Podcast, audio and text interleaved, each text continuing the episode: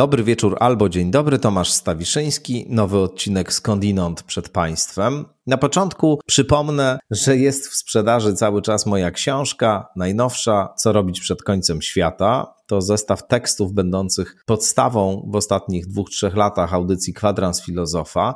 Taki rodzaj przewodnika po najważniejszych problemach, wyzwaniach, fantazjach i lękach współczesnego świata to jest y, jakieś też ćwiczenia z dystansu do różnych presji, którym dzisiaj podlegamy. Mam nadzieję, że jakoś ta książka mm, znajdzie u Państwa uznanie. Cały nakład pierwszy się już rozszedł. W tej chwili są problemy z kupieniem tej książki. W niektórych miejscach jeszcze jest, w niektórych już nie ma, ale lada moment trafi do druk, do księgarni, także myślę, że już wkrótce, w ciągu najbliższych dni, bez problemu będzie ją można wszędzie kupić, do czego oczywiście zachęcam cały czas. No a dzisiaj gość oczekiwany przez wielu z Państwa. Sporo osób, które znają moje audycje z wcześniejszych lat, i te takie całkiem aktualne, ale na falach Radia Tok FM prowadzone. Czekało na tego gościa, pisało do mnie, że warto koniecznie zaprosić go tutaj do skądinąd. No i stało się i Jacek Dobrowolski, doktor habilitowany Jacek Dobrowolski, pracownik naukowy Wydziału Dziennikarstwa, e, się tutaj pojawi. Filozof, autor książek wielu e, i e, prozy, i tekstów filozoficznych. No i częsty mój rozmówca w ostatnich latach. Charyzmatyczny, niewątpliwie rozmówca i obdarzony nietuzinkowym poczuciem humoru, zdolnością do takiego z jednej strony akcentującego wymiar groteskowy, a z drugiej strony bardzo głębokiego sposobu widzenia pewnych spraw. Rozmawiamy dzisiaj o polityce, o rzeczywistości politycznej w Polsce, posługując się taką e, metaforą, której już żeśmy wcześniej w naszych rozmowach używali, ale dzisiaj też dla tych z Państwa, którzy po raz pierwszy się z nią zetkną, e, przewidziane jest małe intro, w którym wyjaśnimy o co chodzi i dlaczego akurat ta metafora, metafora wesela, rodziny. Przyglądamy się innymi słowy polskiej scenie politycznej, jakby to była wielka rodzina na weselu, e, w specyficznym weselu, bo takim cyklicznym, odnawiającym się nieustannie, nigdy się nie kończącym, jeśli tak to można ująć. No i przyglądamy się tym takim bardzo aktualnym wydarzeniom. Taka perspektywa, która bierze pod uwagę aktualność, ale zarazem próbuje w niej chwycić coś bardziej uniwersalnego, jest też potrzebna i czasem o polityce też trzeba porozmawiać, więc i o PiSie, i o Platformie, i o Hołowni rozmawiamy, analizując różne możliwości, szanse, no i zadając sobie pytanie, czy jest jakaś alternatywa dla prawa i sprawiedliwości? Jakie są źródła e, tych e, potwornych inwazji w prywatne, intymne życie wielu osób w Polsce? E, czyli jakie są źródła tej decyzji o tym, żeby zaostrzyć ustawę aborcyjną?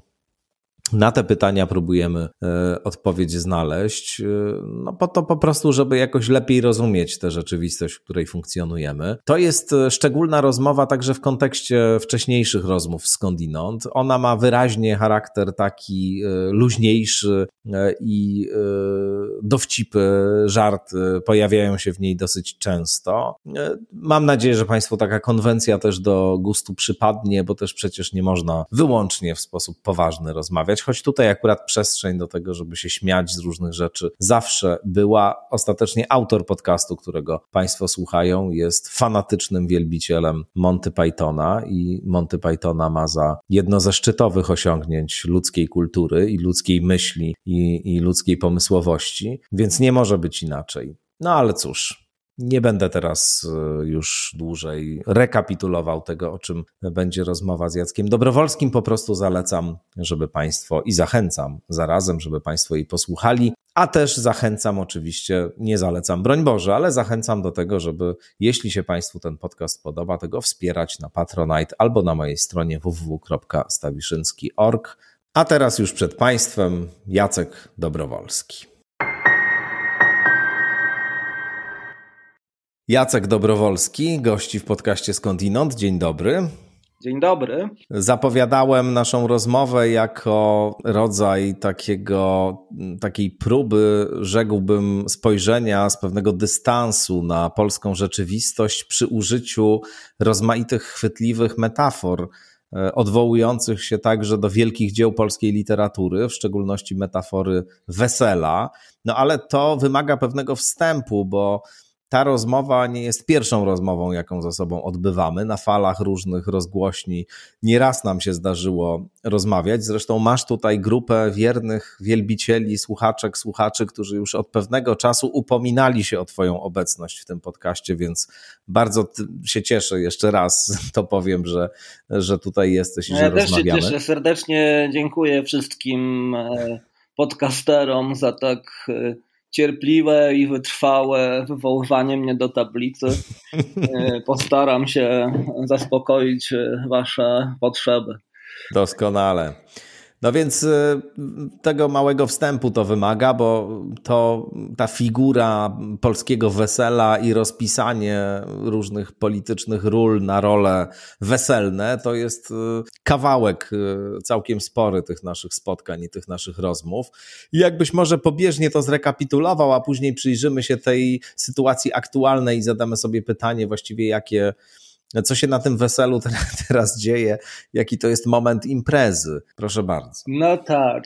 Wszystko zaczęło się przed laty, kiedy to rozmawiając chyba po prostu w trakcie naszej rozmowy którejś tam e, o bieżącej sytuacji, a zwłaszcza o ówczesnej roli w tej sytuacji Pawła Kukisa. Spontanicznie przyszła nam do głowy metafora wielkiej polskiej rodziny, która, którą to rodzinę zwiera, e, czy też właśnie no, zszywa figura szwagra. Tak jest. Wszystko, wszystko zaczęło się od szwagra. I Wielki szwagier. Szwagra od y, konceptu, że szwagier jest podstawową instytucją polskiego życia społecznego bo właśnie takim jest jego spoiwem, takim lepiszczem wszystkich rodzin, e, które bez szwagra po prostu rozpadłyby się na, na swego rodzaju atomiz, atomowe, atomowe, familijne, yy, odizolowane monady. Można by rzec, Ten szwagier też łączy te różne rodziny ze sobą no właśnie, też właśnie szwagier, w tym sensie tak jest, jest, zapewnia tą spoistość. Tak, szwagier zapewnia spoistość społeczną e, w Polsce, jest jej podstawowym warunkiem i zwornikiem. Tudzież rzeczywiście szwagier poza swoją funkcją praktyczną jest też taką też symboliczną figurą, figurą, która no, by skorzystać z takich nieco innych narzędzi teorii populizmu, jest takim znakomitym, e, pustym znaczącym, które, które właśnie łączy wielką familię polskich, e, polskich wyborców i pozwala im też na pewnego rodzaju ruchy czy przepływy E, bo też ważna jest właśnie ta konektywna czy, czy transformatywna rola szwagra, który właśnie pozwala rodzinom łączyć się i też pozwala pewnym ideom pomiędzy rodzinami krążyć i, no i sprawia, że, e, że, nas, że zmieniają się nastawienie i nastawienia i, i tak dalej, i tak dalej. Więc pamiętamy, że przed paroma laty, kiedy jeszcze nie rządził, e, nie rządził nami PiS, to właśnie Paweł Kukis był tym wielkim szwagrem. No i on na tym polskim weselu, e, jeśli pamiętam, tam się narobił dużego, dużego szumu, dużych przetasowań, bo jak pamiętamy, poniekąd właśnie stał się tym katalizatorem, że się transformatorem, e, czy tą przekładnią sentymentów i emocji tam, o ile pamiętam, jeszcze była taka sytuacja, że, że atmosfera jakoś siadała, że już goście trochę byli wypici, ale też nud, nudnawo się robiło, nawet jakieś takie niesnaski zaczynały się pojawiać.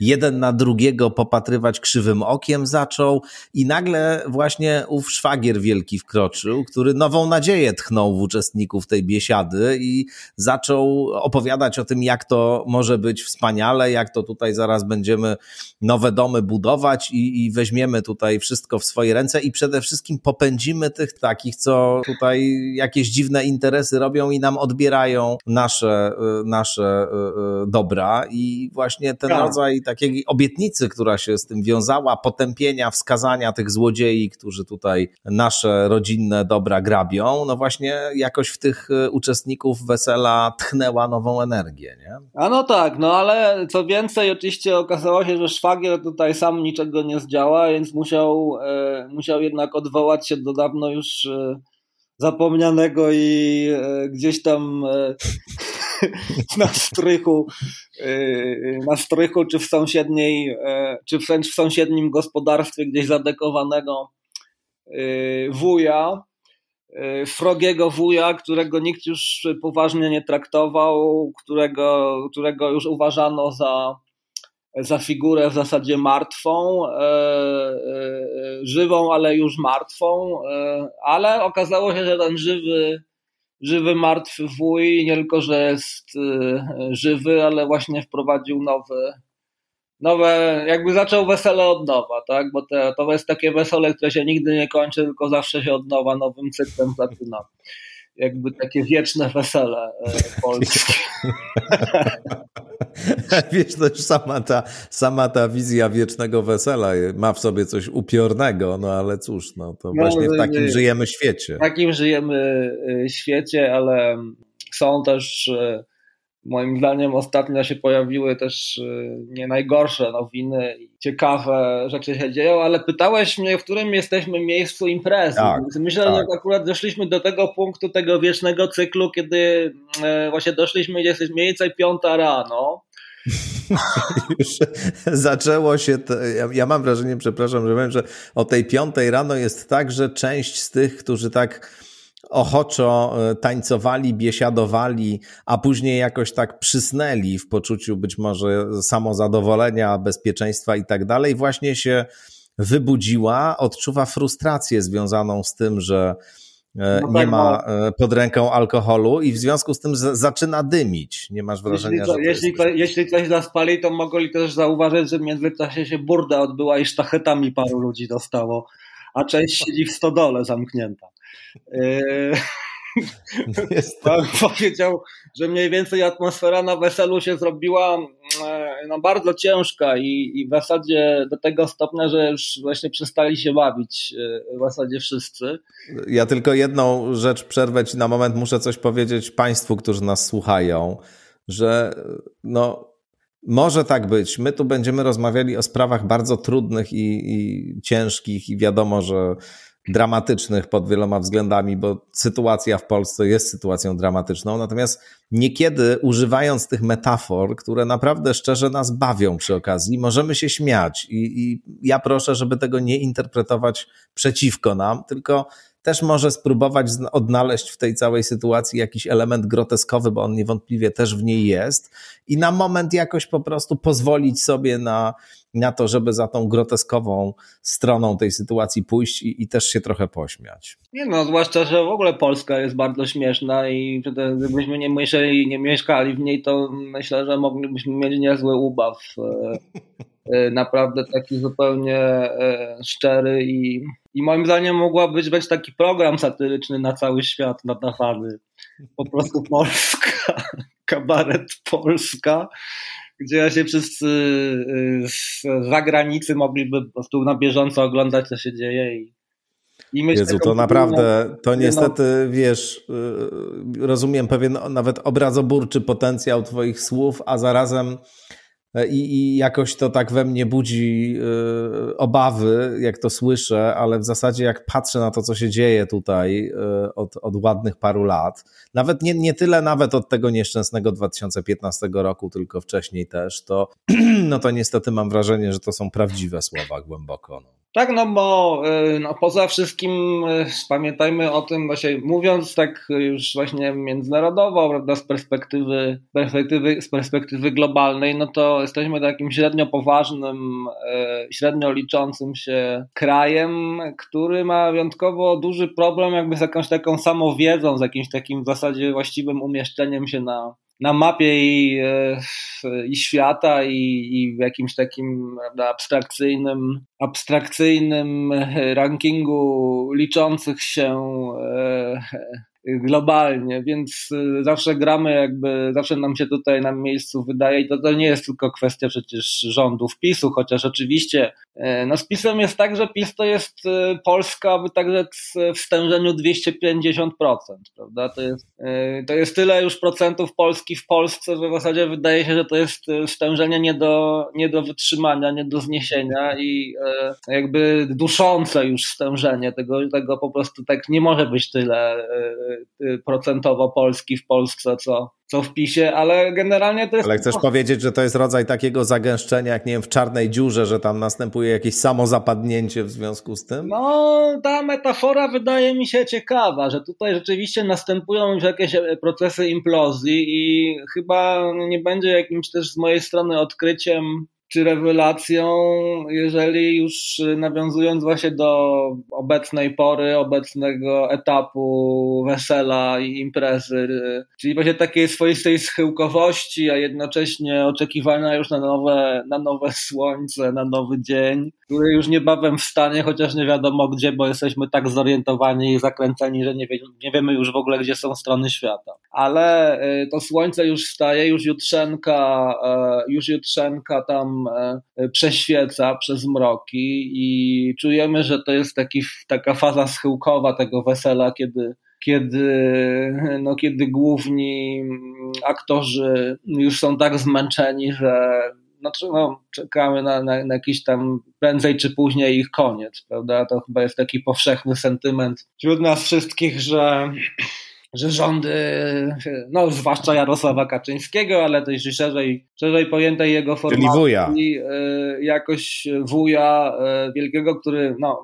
właśnie jakby tę metaforę rodzinną z kolei tutaj znowu też zaktualizować, to właśnie wuj e, nie jest już wujem, tylko właśnie stał się wielkim dziadem. Mm.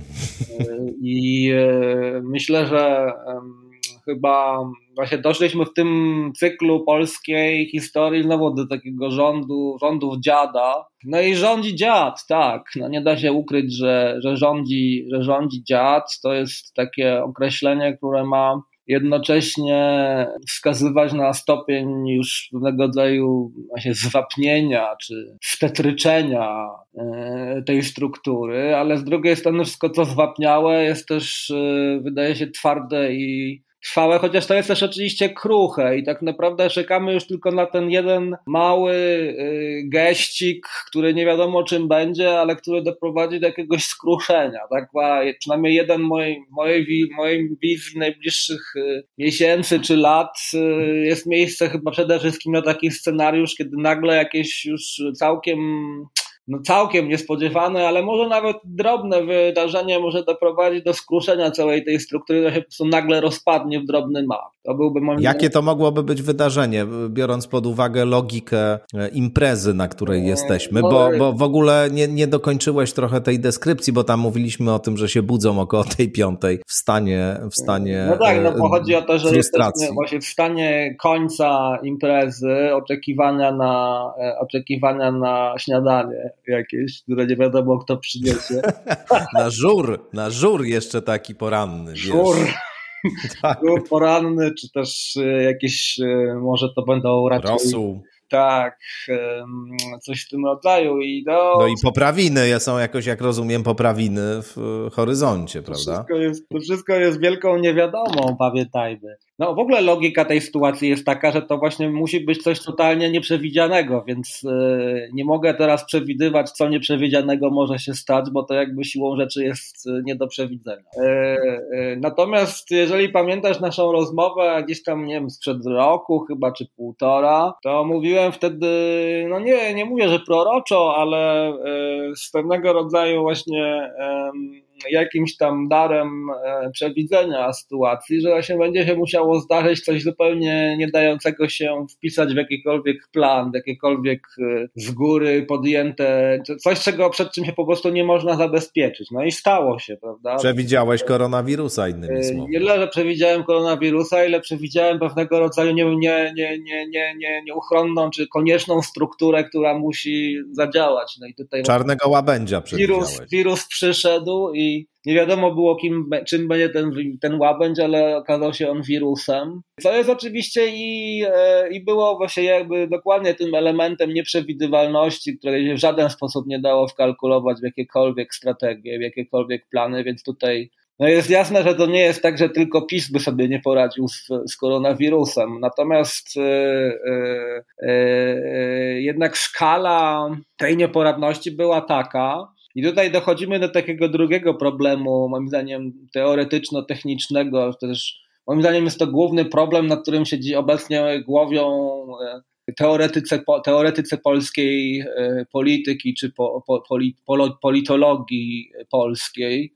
Mm, mianowicie, czy należy uważać, że jednak te dynamiki poparcia w elektoratach są mniej więcej analogiczne, czy jednak każdy elektorat rządzi się swoimi prawami, prawda? I, i, i nie ma tak, że e, to, co by e, powiedzmy zniechęciło czy odstraszyło wyborców e, Platformy od Platformy, to by zniechęciło, to coś analogicznego zniechęci wyborców PiSu. No właśnie mamy coraz więcej dowodów na to, że wyborcy PiSu są wyjątkowo trudni do zniechęcenia, wyjątkowo wierni, wyjątkowo twardzi i wyjątkowo chyba właśnie mocno tożsamościowi. E, także e, bardzo trudno jest przewidzieć, co dokładnie może ich ostateczne, co może być takim dla nich triggerem, jakimś takim bodźcem, prawda? Bo to wiadomo, dopóki dzban wodę nosi, dopóki się ucho nie urwie, ale co im to ucho urwie, to właśnie trudno powiedzieć i i wydawałoby się, że ono się już wiele razy powinno było urwać, prawda?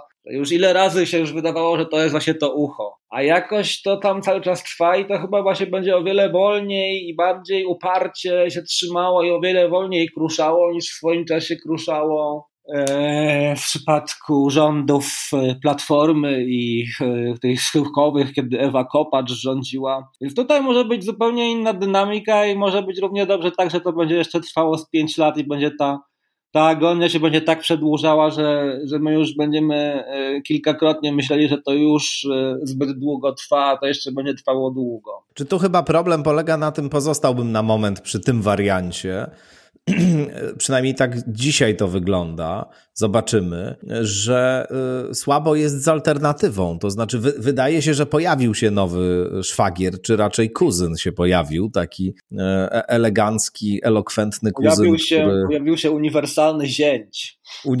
Albo raczej uniwersalny zięć, właśnie. To jest lepsza zdecydowanie to jest, kategoria. To jest wspaniała figura. Ja no właśnie. fascynowany figurą e, zięcia, który, czy właśnie jakby... Wymarzonego zięcia, wymarzonego, uniwersalnego zięcia. Uniwersalny kandydat na zięcia. I rzeczywiście ten kandydat y, no y, pewnie nie będzie to jakimś wielkim zaskoczeniem dla ciebie, jaki nie byłoby dla mnie, gdybyś ty mi powiedział, że nie jest to jakiś kandydat twoich marzeń, czy twój zięć zięć twoich marzeń. E, ale chodzi o to, że w razie zięć marzeń to jest właśnie ktoś takich, kto niekoniecznie chcielibyśmy, żeby był naszym e, mężem, prawda, czy żoną. E, ale właśnie zięć to co innego, więc Kandydat... Wymarzony zięć przede wszystkim podoba się swoim potencjalnym teściom, a niekoniecznie swoim potencjalnej tak. żonie, prawda? Poza tym Więc... pamiętajmy, że e, zięć e, e, jest też szwagrem INSPE. A, no naturalnie, oczywiście. To jest podstawowa sprawa. Więc... Zięć INSPE jest szwagrem INSPE zaraz. Więc, tak. więc czyjś zięć będzie czyimś szwagrem i... Tak jest. I tutaj właśnie ten nowy kandydat na szwagra przy właśnie totalnym zdarciu się starego szwagra, starego naszego wielkiego konektora i y, pas transmisyjny. No, dzisiaj już Paweł Kukis nic nie znaczy. Bóg zapłać mu za posługę.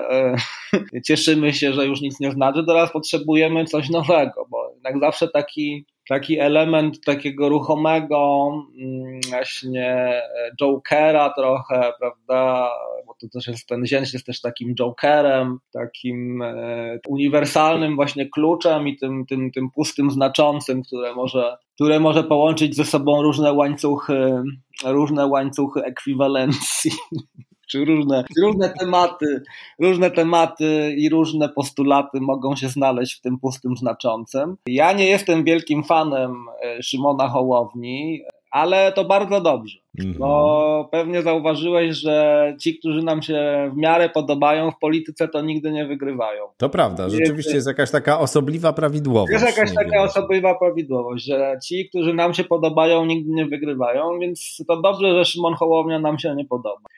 I...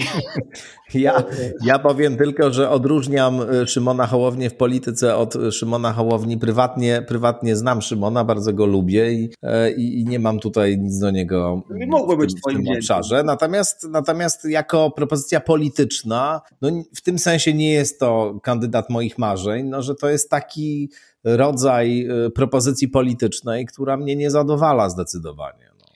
No mnie też nie zadowala, ale właśnie dlatego jest to bardzo dobra propozycja i ja z przyjemnością i z radością patrzę na to, że jest jakiś kandydat, który absolutnie nie zadowala mnie, ale e, który wręcz e, nigdy w życiu na niego bym nie zagłosował, ale który stanowi jakąś taką e, alternatywę, która nie budzi we mnie przerażenia i grozy. Y, to znaczy, y, zwróćmy uwagę, że w polityce właśnie mamy kandydatów, którzy budzą grozę i nie budzą grozy, i to jest chyba w zasadzie podstawowa w polskiej polityce y, kategoria odróżnienia.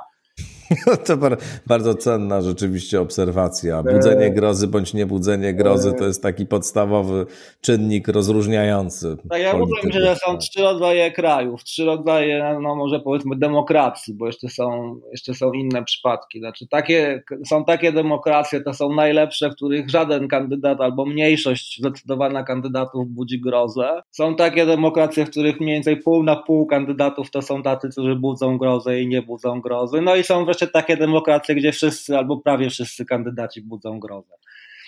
tak jest najgorzej. Tak, jak tam jest najgorzej.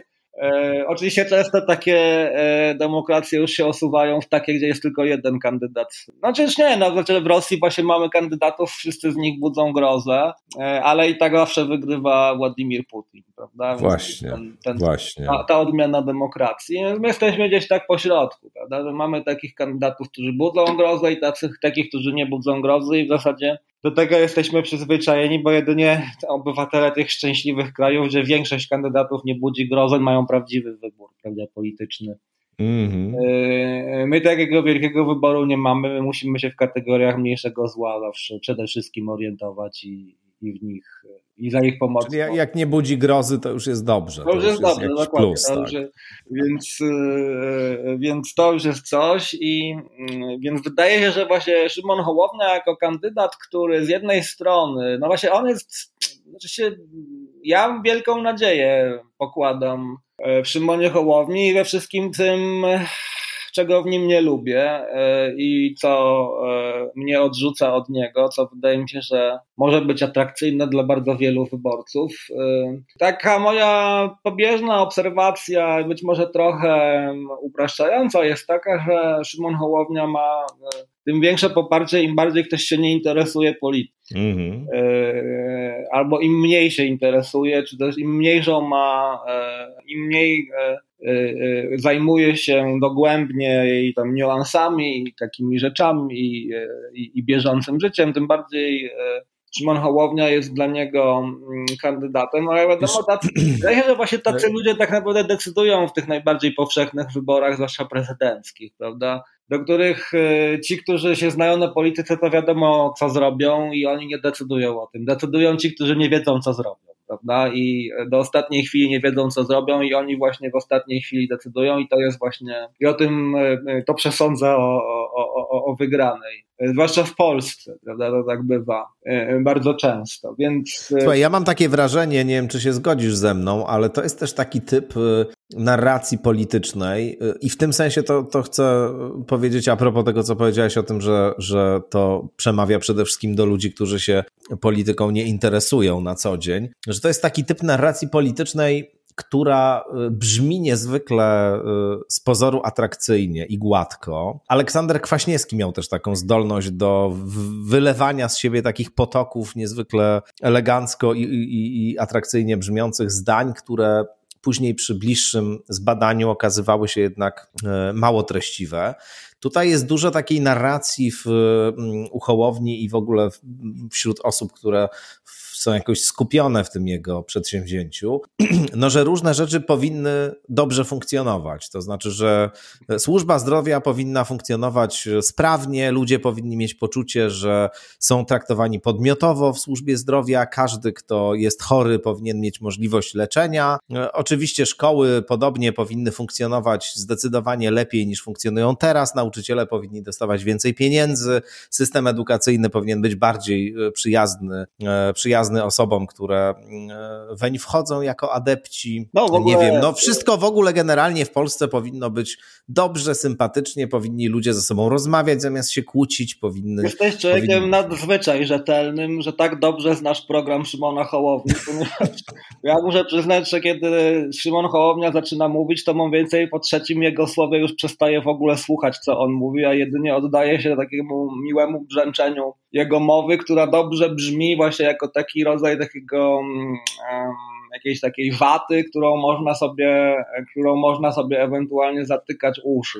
No, wiesz, mnie się kojarzy to nie, nie, nieodmiennie. Ten rodzaj propozycji politycznej, ten rodzaj propozycji politycznej, wiesz, taką, uczestniczyłem kiedyś w pewnej konferencji. To było bardzo dziwne doświadczenie, bo to była taka konferencja, już nie będę szczegółów opowiadał, w każdym razie konferencja takich różnych ugrupowań, organizacji pozarządowych, odbywała się w Szwajcarii. No i e, przyjechali ludzie z całego świata za pieniądze e, Unii Europejskiej i radzili na jakiś tam temat ważkiego problemu społecznego. I później po dwóch dniach tych obrad odbywających się w małych takich grupach, e, no bardzo treściwych wydawałoby się, podzielono się konkluzjami, był taki moment dzielenia się konkluzjami. No i w zasadzie te konkluzje spo, spo, sprowadzały się do tego, że rządy poszczególnych krajów powinny rozwiązać te problemy właśnie, które są powodem spotkania nas wszystkich na tej konferencji, że powinny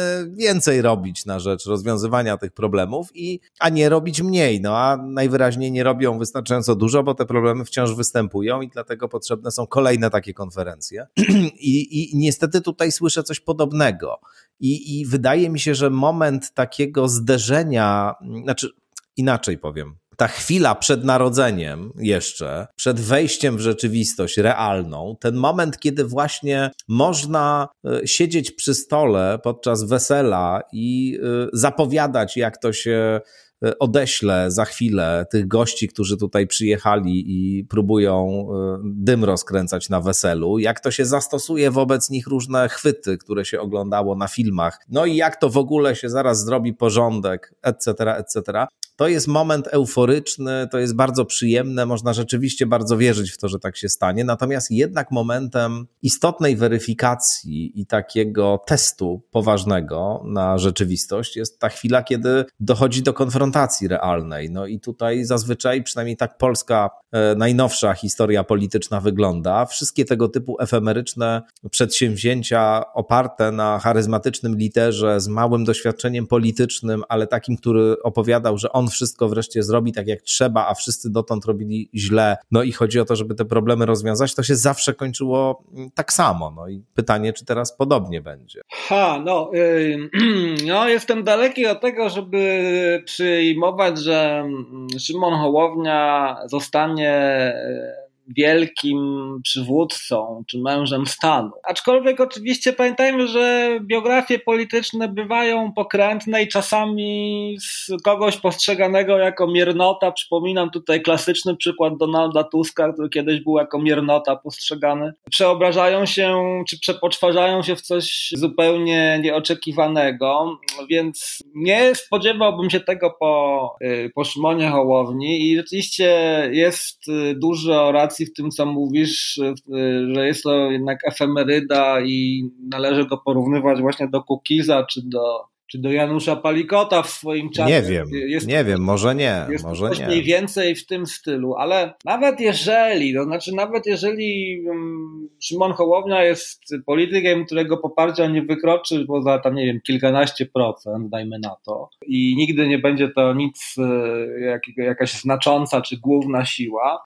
to być może to wystarczy w zupełności, bo też, tutaj też pamiętajmy, że w gruncie rzeczy małe, małe przepływy, niewielkie, niewielkie fluktuacje e, e, mają e, fundamentalne znaczenie. W wyborach tak naprawdę nie decydują miliony, tylko właśnie jakieś drobne, jakieś drobne przepływy, przypadkowe, przypadkowe wydarzenia, które decydują o tym, że tutaj 50 tysięcy w tę czy we w tę pójdzie. E, to jest nie do końca przewidywalne, zwłaszcza w polskich warunkach.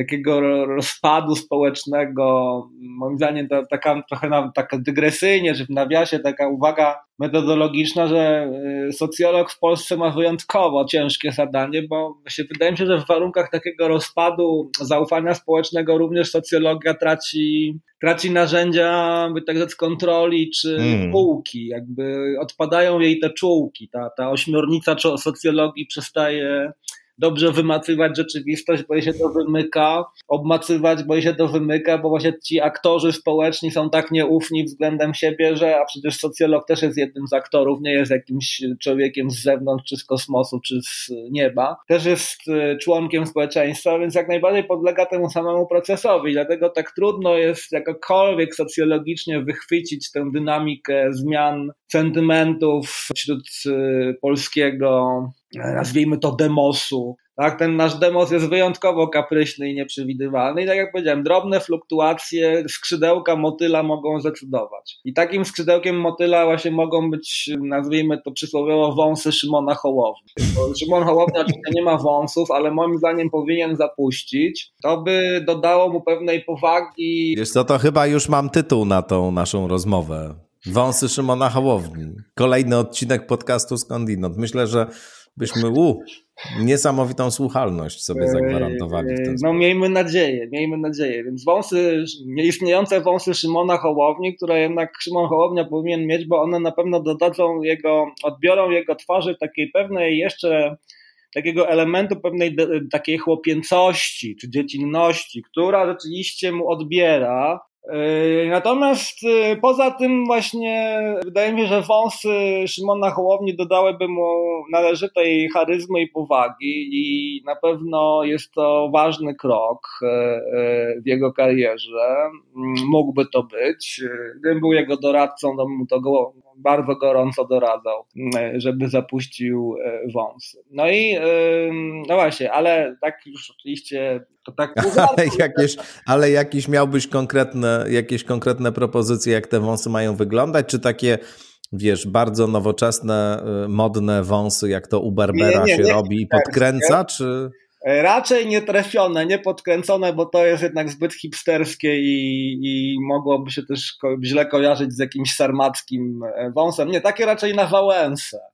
Mm -hmm. raczej, raczej takie na Wałęsę, żeby też e, w taką tradycję, no Lech Wałęsa też e, ucieleśnia taką tradycję polskiego populizmu, akurat jakby koniec końców na plus to oceniamy, chociaż za czasów rządów Lecha Wałęsy to, to różnie to bywało. No nie, nie, nie przypominaj. Tak, lepiej nie przypominaj, no chociaż oczywiście w porównaniu z tym, co jest teraz, to to był raj.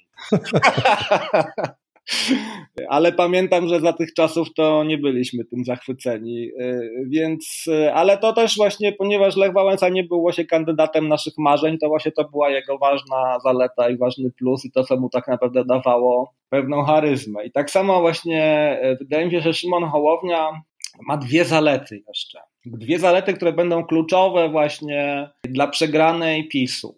To znaczy, on jakby nie mobilizuje chyba wielkiej wrogości wśród y, wyborców PiSu. I jestem w stanie sobie wyobrazić wyborcę PiSu, powiedzmy, no, że nie twardego, nie hardkorowego zwolennika Antoniego Macierewicza, ale powiedzmy takiego mniej, y, mniej przekonanego ideowo zwolennika PiSu, który y, mogę sobie wyobrazić, że po prostu machnie ręką i sobie powie, a niech już ten Szymek a niech już ten Szymek może, może od tego Jarka i przejmie te rządy, może to nie będzie tak źle, może niech Jarkowcy odpoczną, a Szymek się weźmie do roboty.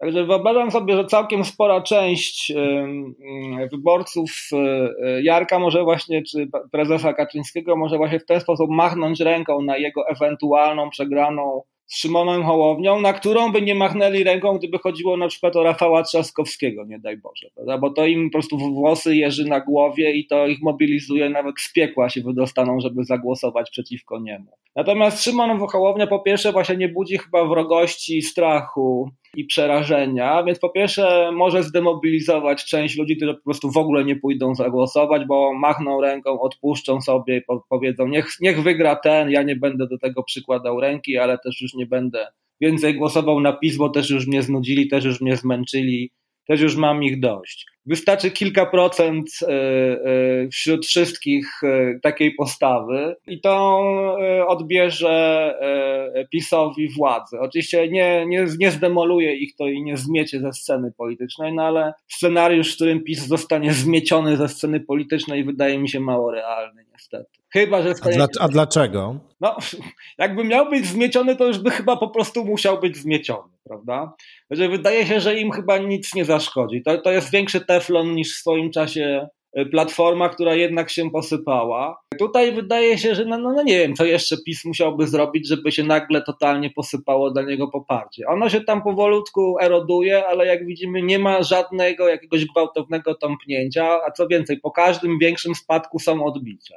Więc y, sam widzisz, że to jest y, no, zadziwiające po tych wszystkich już aferach i, i kompromitacjach i, i, załam, i no, załamujących zupełnie wydarzeniach, y, że to poparcie jest tak silne. Więc w tym sensie wydaje się, że ono nie spadnie raczej do 7%, tylko PiS zawsze będzie silną siłą, tylko opozycyjną. No i wystarczy nam to do szczęścia w zasadzie, chociaż oczywiście najlepiej by było, żeby w ogóle PiSu nie było, no ale, ale, ale to wystarczy nam do szczęścia, żeby oni stali się siłą opozycyjną. I tutaj właśnie te kilka procent wyborców, którzy nie pójdą, bo nie będzie ich przerażała wizja Szymona Hołowni u władzy, plus kilka procent takich, którzy właśnie ze znudzenia pójdą i na niego zagłosują, bo raczej sobie nie wyobrażamy, żeby wyborca PiSu nagle się przerzucił na lewicę czy na platformę obywatelską. On może tylko albo zostać w domu, albo właśnie zagłosować na, no oczywiście jeszcze na Konfederację może zagłosować, no ale to dla nas nie jest żadna. No, widzisz, tu, się, tu jest ciekawy moment, bo ja się bardzo zastanawiam nad losami Konfederacji. Tam był moment takiego wzrostu wyraźnego. Teraz widziałem ostatnio jakieś badania, z których wynika, że oni mają około 9%, co oznacza, że tam specjalnie w odniesieniu do tam Bosaka w wyborach prezydenckich, do tych sondaży, które on dostawał, to, to, to, to, to niewiele się tam ruszyło. Natomiast zastanawiam się, na ile e, ta okoliczność, że oni weszli w taki negacjonizm pandemiczny bardzo mocno, że właśnie w zasadzie od początku forsują taką narrację o plandemii, o tym, że to wszystko jest wymyślone, że nie ma żadnej, żadnego niebezpieczeństwa, że lockdown jest bez sensu, na ile to im może zaszkodzić, na ile to może jednak e, przenieść ich w taki fringe kompletny polityczny, czyli w taką no, jakąś dzi dziwną z pogranicza narrację. Zresztą w moim przekonaniu znaczna część osób, które tam funkcjonują w tym środowisku, przynależy jak najbardziej, jeśli chodzi o poglądy właśnie do czegoś takiego. Poziom teorii spiskowych emitowanych przez Grzegorza Brauna i, i absurdalności tych teorii spiskowych, ale wypowiadanych z niezwykłą pewnością i niebywale wykwintną polszczyzną, co przypuszczam, że jakoś łagodzi efekt absurdu i może nawet w niektórych budzić znaczy, przekonanie, że on mówi... Moim zdaniem wręcz potęguje. Nie ma nic bardziej absurdalnego właśnie niż łagodna, taka wręcz nobliwa i staranna, inteligencka polszczyzna polszczyzna Grzegorza Brauna. No, nie wiem, czy ona jest zawsze łagodna, bo on tam potrafi konkretnie ag agresją y, y, strzyknąć ja y, intensywną. Natomiast, natomiast rzeczywiście z drugiej strony, kiedy o tym myślę, to mam wrażenie, że może właśnie to im pomoże, dlatego że skala braku e, jakiejkolwiek sensownej propozycji dla znacznej części osób, które funkcjonują na przykład w sektorze gastronomicznym, czy w ogóle w tych e, sektorze tych usług, które zostały całkowicie zablokowane z powodu obostrzeń pandemicznych, no jest potężna i e, rzecz jasna są jakieś formy pomocowe, ale one ogromnej grupy osób w ogóle nie, po, nie, nie obejmują, a ludzie zaczynają doświadczać rzeczywistości bez mała kawkowskiej. To znaczy, są takie sytuacje, że masz zablokowaną możliwość pracy, więc nie możesz zarabiać pieniędzy, więc nie możesz spłacać swoich zobowiązań, co zupełnie nie interesuje banku, który wydaje się żyć w rzeczywistości alternatywnej i zakłada ci kolejne egzekucje i wysyła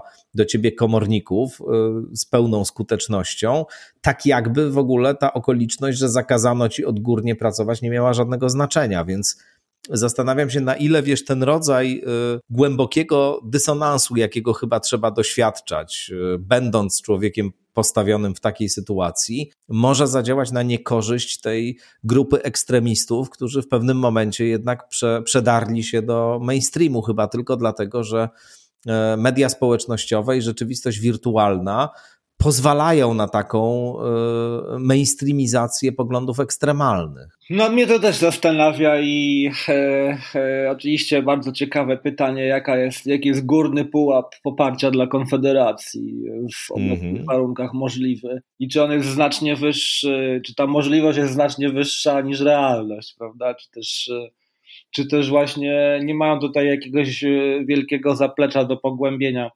ja bym obstawiał, że jeżeli nawet to tak czy owak kosztem PiSu, więc to tak samo, to są w gruncie rzeczy takie naczynia połączone, przelewa się e, z jednej, z jednej butli prawicowej do drugiej, do drugiej butli prawicowej, ale chyba jakiegoś dopływu do tych butli już z zewnątrz wielkiego nie będzie z tego powodu. Tak bym obstawiał. Jakoś tak na pierwszy rzut oka prima facie. Wydaje mi się, że, że Konfederacja może głównie urosnąć kosztem PiSu. Przepływy z jakichś innych źródeł są raczej marginalne w tym wypadku, więc e, to, co tam między Konfederacją a PiSem przepływa, to w pewnym sensie jakby jest nieistotne, prawda? Ja myślę, że to jest jedna z interpretacji interpretacji tego zaostrzenia ustawy aborcyjnej, które z pewnego punktu widzenia może wydawać się działaniem kompletnie szaleńczym i pozbawionym jakiejkolwiek racjonalności, a ono przy czym ja mam wrażenie, że ono wypływa w dużym stopniu z fundamentalizmu, w który osuwa się Jarosław Kaczyński systematycznie, ale to jest jakby na, na, inną opowieść, ale to jest w tym sensie jakaś racjonalna decyzja polityczna, polegająca na obsługiwaniu tego najbardziej radykalnego elektoratu, dania mu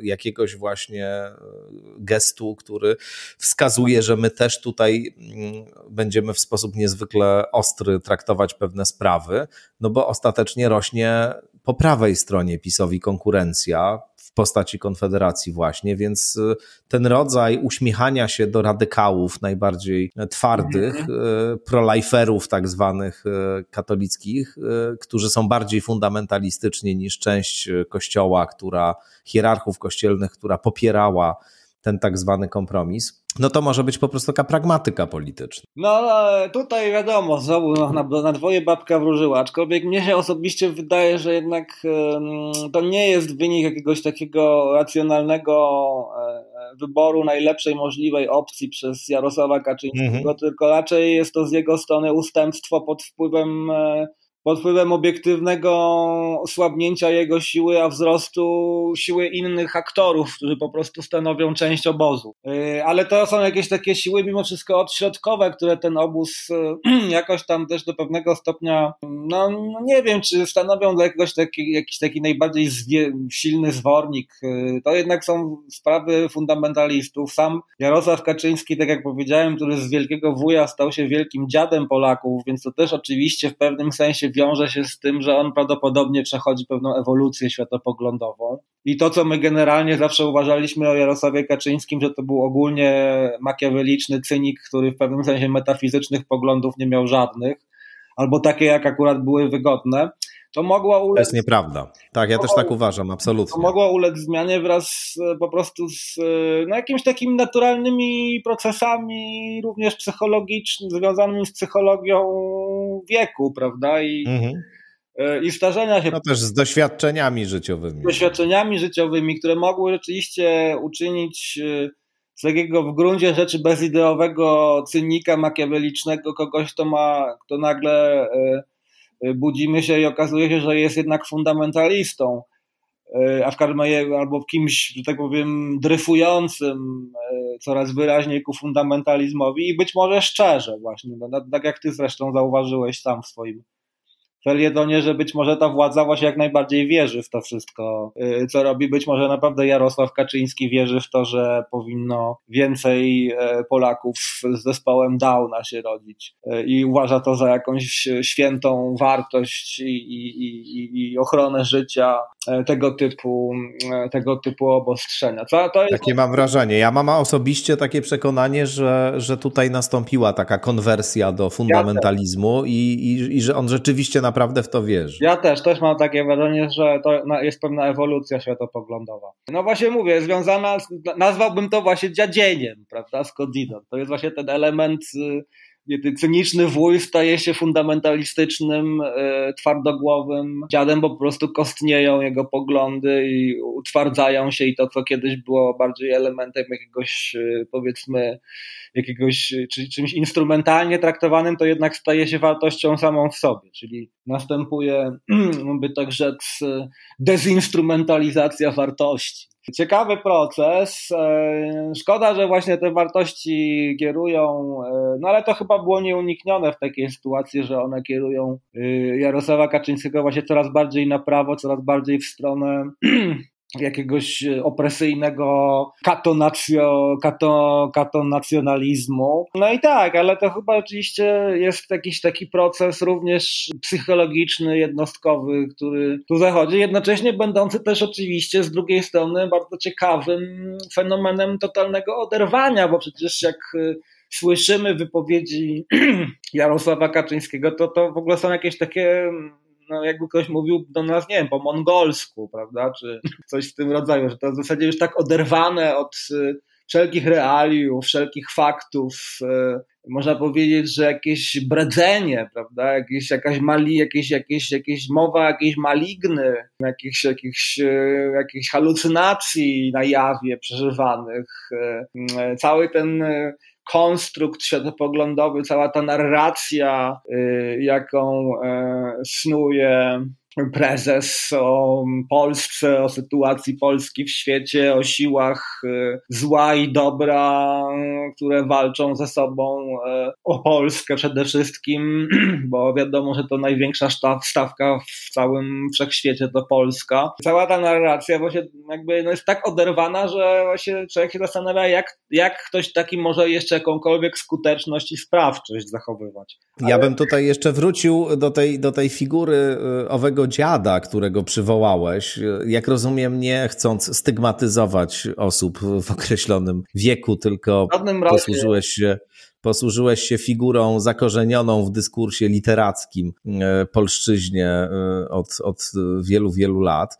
Natomiast ja mam jeszcze, ja bym dorzucił inną figurę, bo, bo, bo też e, mam pewne, pewien dystans do tego pojęcia dziaders i do tego takiego dzielenia na, na, na tych młodych i tych starych. Tu bardziej właśnie bym to rozpoznawał jako pewną konstelację wewnętrzną, e, która jakoś definiuje sposób widzenia rzeczywistości, doświadczania świata. I w, I w tym sensie ten taki starzec archetypowy jakoś jest tutaj e, figurą, e, figurą e, na miejscu. Jakiś taki Saturn, Senex, taki właśnie zgorzkniały ktoś, kto, e, kto postrzega rzeczywistość w sposób niezwykle taki cyniczny, kto postrzega rzeczywistość w sposób taki bardzo e, ostry, zero-jedynkowy, czarno-biały. I tutaj to ciążenie do fundamentalizmu wyraża właśnie jakiś rodzaj takiej absolutnej represyjności, którą ten mhm. człowiek reprezentuje i, i, i takiej ostrości niezwykłej, której, której nabiera właśnie. Tak, tak. Oczywiście, że nie chodziło mi tutaj o e, jakiekolwiek e, e krytykę czyjegokolwiek wieku, czy też e, korzystanie, mm, czy, czy ageism tak zwany. Figura dziada, zresztą czasami się też mówi leśnych dziadach, prawda? Mm, czyli właśnie chodzi o takiego, taką postać e, człowieka e, e, no, skostniałego w swoich poglądach, w swoich przekonaniach, w swoich reakcjach, w swoich odruchach, nieprzyjaznego i zgorzkniałego, jak powiedziałeś, tak? Więc wydaje mi się, że ta transformacja nie musi mieć absolutnie nic wspólnego. Znaczy nie, nie, nie jest tak, że człowiek stary się takim staje automatycznie. No, no, tak się po prostu y, w tym wypadku wydarzyło i dlatego o tym mówimy. Y, natomiast y, chciałem jeszcze zwrócić uwagę na to, co zresztą ten wątek też już poruszaliśmy, bo pamiętajmy, że właśnie ta figura dziada jest też jakby pokazuje jakby na przemianę mechanizmu władzy. To znaczy, o ile e, jeszcze wuj e, e, był figurą takiej siły, nie mm, jakiejś takiej bezpośredniej aktywności, to tutaj wydaje się, że to wszystko już jakby taką siłą inercji trochę leci. Jakby mm, w pewnym sensie w obecnym, w obecnym układzie ta słabnąca, kruszająca władza Jarosława Kaczyńskiego nie pochodzi już z jakichkolwiek jego zdolności do, do dalszych, nie wiem, kumulacji, czy do tej władzy, czy do niszczenia przeciwnika, e, do jakiejś takiej bezwzględnej, e, do jakiegoś bezwzględnego panowania na szachownicy, ale wyłącznie i tylko i wyłącznie już takiego autorytetu właśnie mm, gerontokracji tak, właśnie z tego autorytetu starca, którego nikt już e, nie ośmieli się e, skrytykować i, i podważyć jego słów, chociaż wszyscy już wiedzą, że chociaż wszyscy już wiedzą, że, e, że jest oderwany od rzeczywistości, że już nie kontaktuje, że już, że już ma tego metaforycznego Alzheimera. E, I taka szekspirowska figura. Taka szekspirowska figura. I, i, ale ta siła inercji właśnie jest jeszcze wciąż poważnym źródłem e, e, politycznej władzy, która już nie jest skuteczna, nie jest już sprawcza. Sprawczość Jarosława Kaczyńskiego, lata świetności jego sprawczości już minęły tej chwili to już jest tylko obrona pozycji i, e, no i takie bardzo stopniowe wycofywanie się, bardzo uparte, powolne, nieoddawanie pozycji, które jednakowoż trzeba oddać. To po prostu już maleje, kurczeje ten zasięg i siła. No i właśnie zwróćmy uwagę, co się dzisiaj dzieje. Szkoda trochę, że